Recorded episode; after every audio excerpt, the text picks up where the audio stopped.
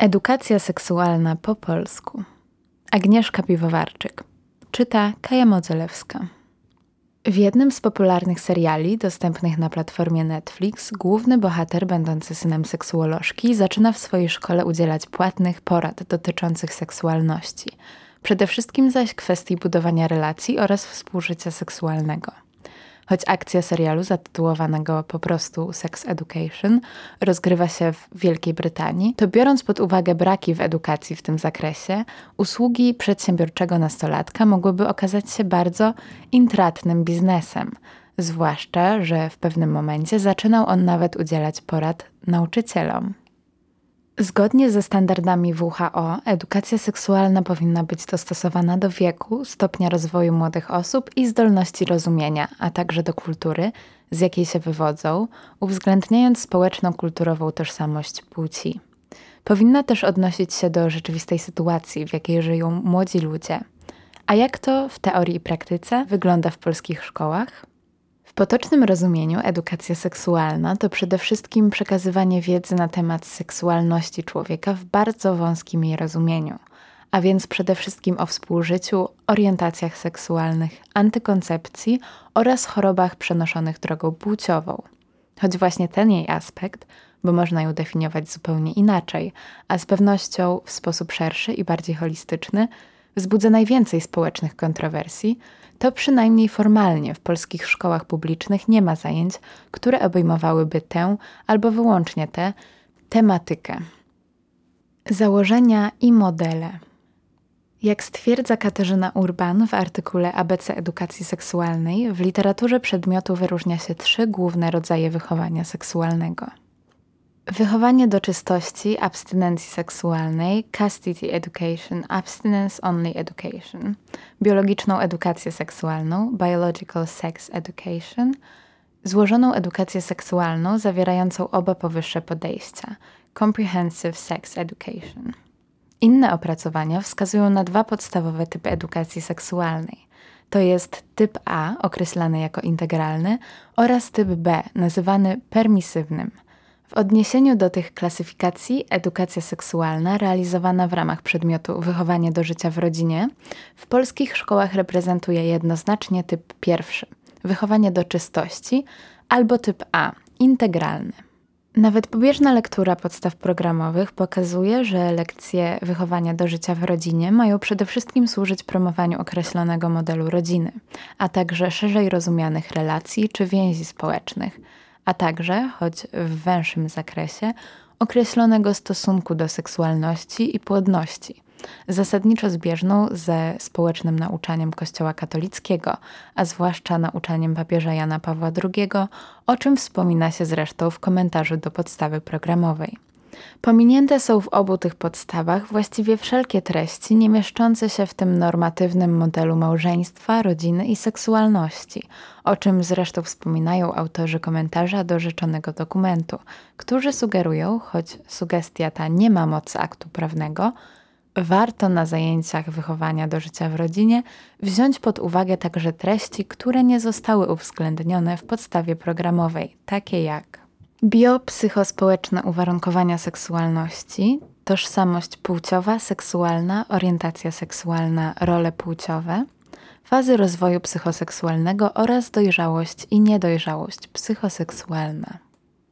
Od teorii do praktyki.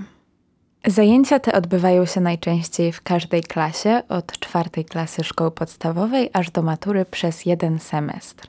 Wynika to z zapisów rozporządzenia Ministerstwa Edukacji Narodowej z dnia 12 sierpnia 1999 roku w sprawie sposobu nauczania szkolnego oraz zakresu treści dotyczących wiedzy o życiu seksualnym człowieka, o zasadach świadomego i odpowiedzialnego rodzicielstwa, o wartości rodziny, życia w fazie prenatalnej oraz metodach i środkach świadomej prokreacji, zgodnie z którymi na realizację zajęć WDŻ w szkołach publicznych przeznacza się w szkolnym planie nauczania w każdym roku szkolnym dla uczniów poszczególnych klas po 14 godzin, w tym po 5 godzin z podziałem na grupy dziewcząt i chłopców. Zajęcia są organizowane w oddziałach albo liczących nie więcej niż 28 uczniów w grupach międzyoddziałowych. Co do sposobu realizacji tych zajęć, warto, za komentarzem do wspomnianej podstawy programowej, zwrócić uwagę na fakt, że są one prowadzone w szkołach obligatoryjnie. Za wprowadzenie i realizację zajęć odpowiedzialny jest dyrektor szkoły, natomiast nie są obowiązkowe dla ucznia. Oznacza to, że uczeń może nie uczestniczyć w tych zajęciach. Zgodnie z zapisami rozporządzenia z dnia 10 sierpnia 2009 roku, Uczeń niepełnoletni nie bierze udziału w zajęciach, jeżeli jego rodzice, prawni opiekunowie, zgłoszą dyrektorowi szkoły w formie pisemnej rezygnację z udziału ucznia w zajęciach.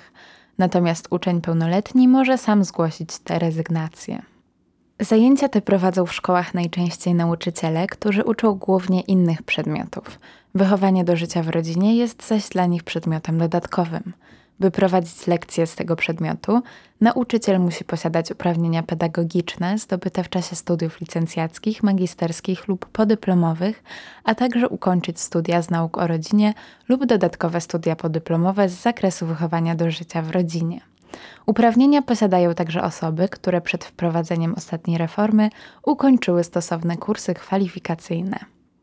Trudno powiedzieć, jak realizacja wszystkich tych założeń wygląda w praktyce w chwili obecnej i po ostatniej reformie, ponieważ właściwie nie prowadzi się aktualnie statystyk i badań w tym zakresie, a ostatni opublikowany raport dotyczący tej kwestii pochodzi z roku 2016.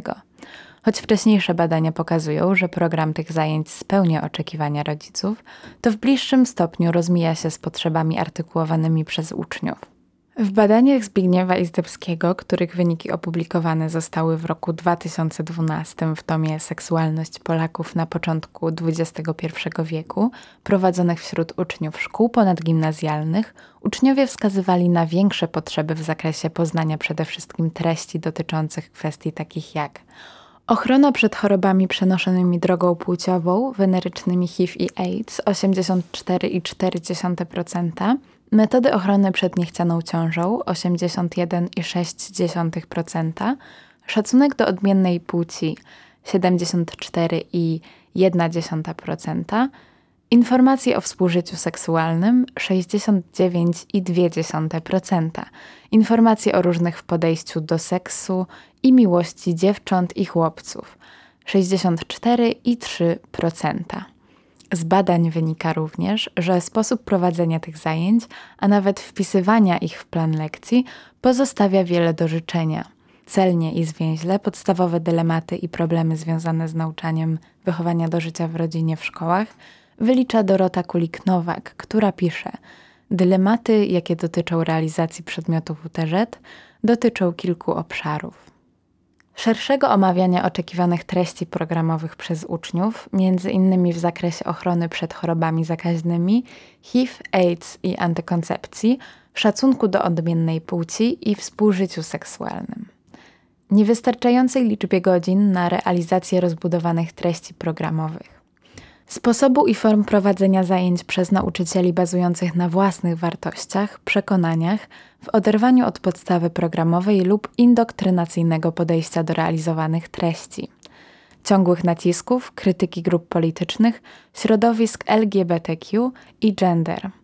Ujmowania przedmiotów w klasie zajęć klasy na pierwszej lub ostatniej godzinie lekcyjnej, co wpływa na niską frekwencyjność wśród uczniów szkół ponadgimnazjalnych – zwłaszcza dojeżdżających do szkół. Błędów w procedurze organizacji zajęć, obejmujących brak informacji dla rodziców o treściach kształcenia związanych z prowadzonym przedmiotem i sposobie uzyskiwania deklaracji uczestnictwa w zajęciach przez ucznia. Okazuje się więc, że sposób prowadzenia tych zajęć nie jest satysfakcjonujący ani dla zwolenników formuły zawartej w podstawie programowej, ze względu na ograniczony czas na jej realizację i traktowanie tych zajęć po macoszemu, ani jej przeciwników. Szerzej na ten temat rozmawiali nasi goście w debacie, zwracających uwagę choćby na konieczność szerszego omawiania tematów związanych z antykoncepcją czy orientacją seksualną.